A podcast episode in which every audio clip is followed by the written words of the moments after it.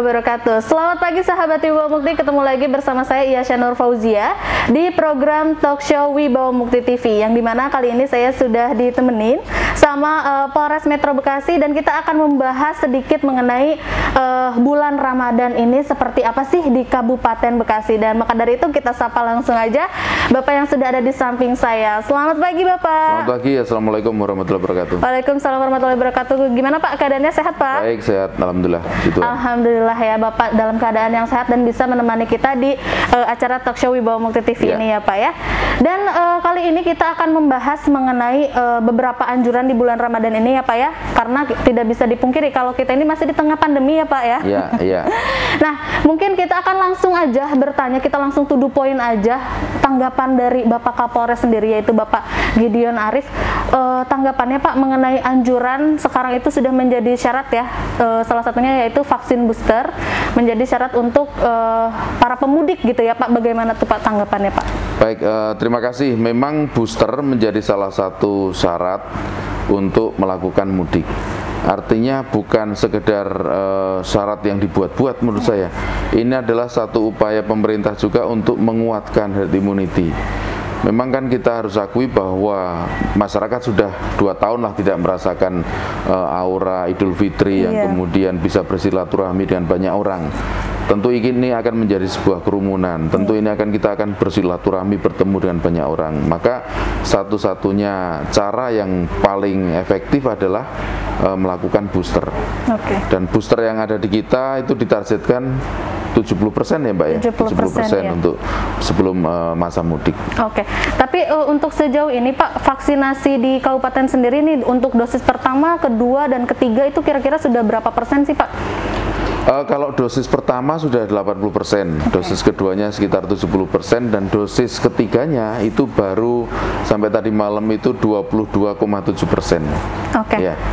Nah, menurut uh, arahan dari Wakapolri kemarin nih Pak ya, kalau misalkan kita itu harus uh, mencapai 70% gitu sebelum yeah. Hari Raya Idul Fitri. Nah, mungkin kita juga pengen tahu upaya-upayanya nih Pak yang sudah dilakukan sampai saat ini tuh apa sih Pak? Hmm, baik. Jadi idealnya memang kita mencapai 70% supaya kita bisa yakin firm semua masyarakat bisa melaksanakan aktivitas seperti normal kembali. Okay. Uh, maka kemudian akselerasi yang kita lakukan ya penebalan untuk vaksinasi. Akselerasi, akselerasi vaksinasi yang dilakukan oleh Polda Metro termasuk Polres Metro Bekasi itu baik siang maupun malam.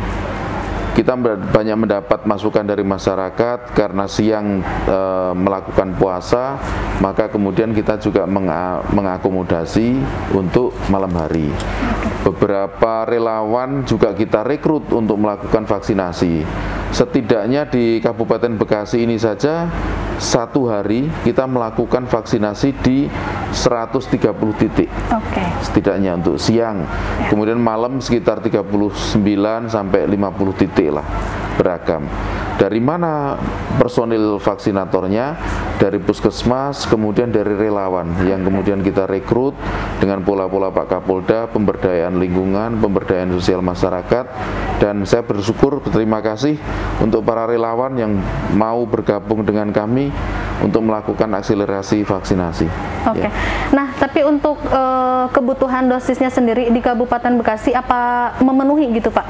Uh, kita komitmennya dengan Bupati, dengan Sekda dan Kepala Dinas Kesehatan mencoba meneruskan kepada uh, pemerintah provinsi ya, iya.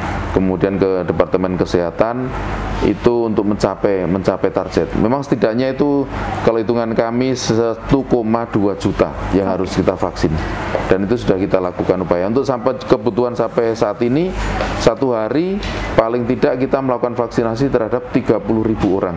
Oke. Okay. 30 ribu orang dari mana kita titik vaksinnya mulai dari perumahan kemudian tempat-tempat e, perindustrian, pusat perekonomian, kuliner, kemudian masjid. Okay. Masjid juga saya berterima kasih juga untuk pengurus masjid yang membuka untuk uh, menjadi tempat atau tuan rumah untuk vaksinasi. Oke. Okay. Ya.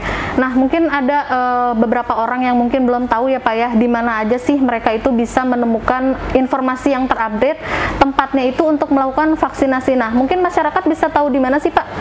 Uh, masyarakat bisa mengakses uh, Instagram Polres Metro Bekasi. Oke. Kemudian di puskesmas puskesmas juga setiap hari buka.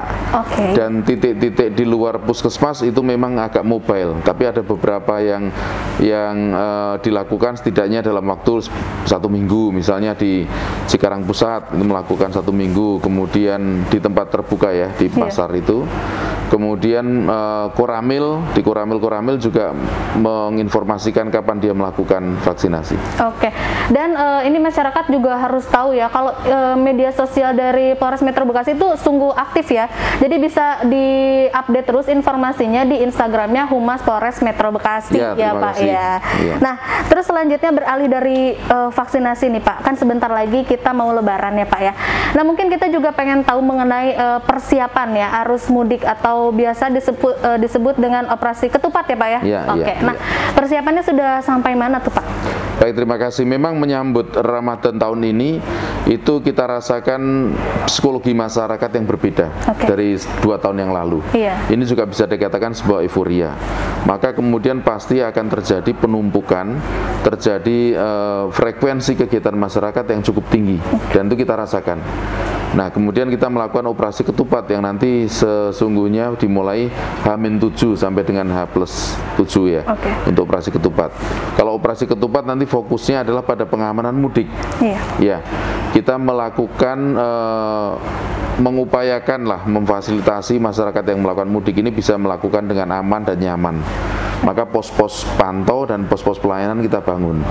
Setidaknya ada 12 titik pos pantau dan dua pos pelayanan. Apa fungsinya? Pos pantau itu lebih fokus untuk melancarkan arus mudiknya.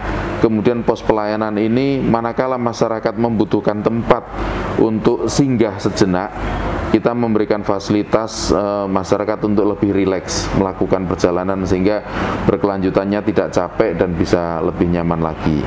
Di pos-pos pelayanan itu juga kita akan menyiapkan vaksinasi juga nantinya. iya. Iya. Nah, kemarin juga eh, Bapak sudah meninjau ya Pak ya untuk perbaikan jalan ya Pak ya. Jalan, iya. Mungkin itu juga salah satu upaya ya untuk Iya, iya, arus iya. mudik gitu. Iya. Nah, eh, selanjutnya juga Pak mengenai eh, hal-hal yang lagi viral sekarang ya di media sosial yang begitu cepat gitu ya informasinya. Dan kemarin juga sempat dibahas oleh eh, Bapak Sekda Kabupaten Bekasi mengenai kekhawatirannya mengenai tawuran ya Pak ya. tawuran yang iya, ada di iya, Kabupaten Bekasi dan di bulan Ramadan itu seperti apa sih Pak? Ya, memang tadi ini fenomena-fenomena baru Iya. di masyarakat eh, anak-anak muda kita. Memang kita temukan juga di usia-usia di bawah umur Iya. menghadapi dan merayakan ini bulan-bulan yang kemudian menjadi frekuensi kegiatan masyarakat cukup tinggi ini beragam sekali. Ada yang kemudian eh, menggunakan sepeda motornya Iya. Ya bisa di- tidak trek-trekan tapi beriringan berkelompok. Di apa waktu-waktu tertentu. Kemudian yang paling mengkhawatirkan memang tawuran. Iya. tawuran yang kemudian mereka mengidentifikasi atau menamakan dirinya dengan perang sarung. Oh, ini gitu. ini fenomena fenomena yang menurut saya harus kita kikis. Oke. kita harus rubah mindsetnya anak-anak muda kita. Ya sarung kan untuk ibadah. Sarung itu kan untuk sesuatu yang baik sesuatu yang untuk merayakan bulan suci Ramadan bukan untuk perang gitu Iya. Iya. Nah, kita juga melakukan beberapa upaya-upaya. Kalau preventif itu pasti, patroli presisi itu selalu ada di tengah-tengah masyarakat. Kemudian patroli-patroli rutin yang itu gabungan TNI, Polri, Satpol PP. Oke. Nah, kemudian saya melihat juga ada geliat eh, partisipasi masyarakat. Seperti di Cikarang Utara itu pada memang rawannya kan Jumat, Sabtu, Minggu meskipun Iya. puasa itu hampir sama. Jumat, Sabtu, Minggu eh, masyarakat berjaga-jaga gitu berjaga-jaga. Tapi juga saya mengingatkan bahwa jangan terlalu reaktif juga karena kalau kemudian reaktif emosional ada orang yang dicurigai maka kemudian secara psikologi masa ada yang teriak maling nah, menjadi main hakim sendiri. Boleh proaktif, boleh boleh eh, tapi yang konstruktif itu. Memang konsepnya berjaga-jaga. Oke, tapi sejauh ini Pak di bulan Ramadan ini untuk kasus tawuran itu eh, sudah ada laporan di wilayah mana aja gitu Pak? Yang menonjol yang menyebabkan meninggal dunia di Tambun. Di Tambun ya? Iya. Dan itu kejadiannya baru ya Pak ya? baru dan itu kita kita lakukan penangkapan terhadap eh, dua orang. Oke, Kemudian yang tidak mengakibatkan luka itu ada di Cikarang Utara, eh, kemudian Serang Baru. Oke. Ya, tiga tiga peristiwa yang kita Oke. data kita. Nah, untuk selanjutnya kan ada beberapa kasus yang lain ya Pak ya, seperti kasus eh, begal dan juga balapan liar gitu. Nah, mungkin untuk di Kabupaten Bekasi itu seperti apa Pak? Alhamdulillah selama bulan Ramadan ini kita juga merasakan sama-sama malam hujan. Malam hujan. Nah, iya kan. Jadi Iya. balap liarnya nggak nggak muncul. Iya. Tapi eh, kita sudah antisipasi itu. Memang ada istilahnya sahur on the road, ya Iya, kan. Tapi di biasa ya. Bekasi saya lihat agak minimize lah untuk untuk frekuensi kegiatan untuk sahur on the road. Oke. Ya. Nah, berarti kalau misalkan eh, dari dilihat dari kasus-kasus seperti tawuran, begal, nah menurut Bapak sendiri di bulan Ramadan ini kasus kasus-kasus seperti ini tuh mengalami eh, kenaikan atau sama aja seperti bulan-bulan biasa tuh, Pak? Nah, kalau yang kasusnya keluhan warga ya, Iya, sifatnya keluhan keluhan warga, ada kerumunan anak-anak, misalnya kemudian ada arah eh, apa seperti tadi mau mau tawuran, Iya. itu memang meningkat. Tetapi untuk kasus begal menurun.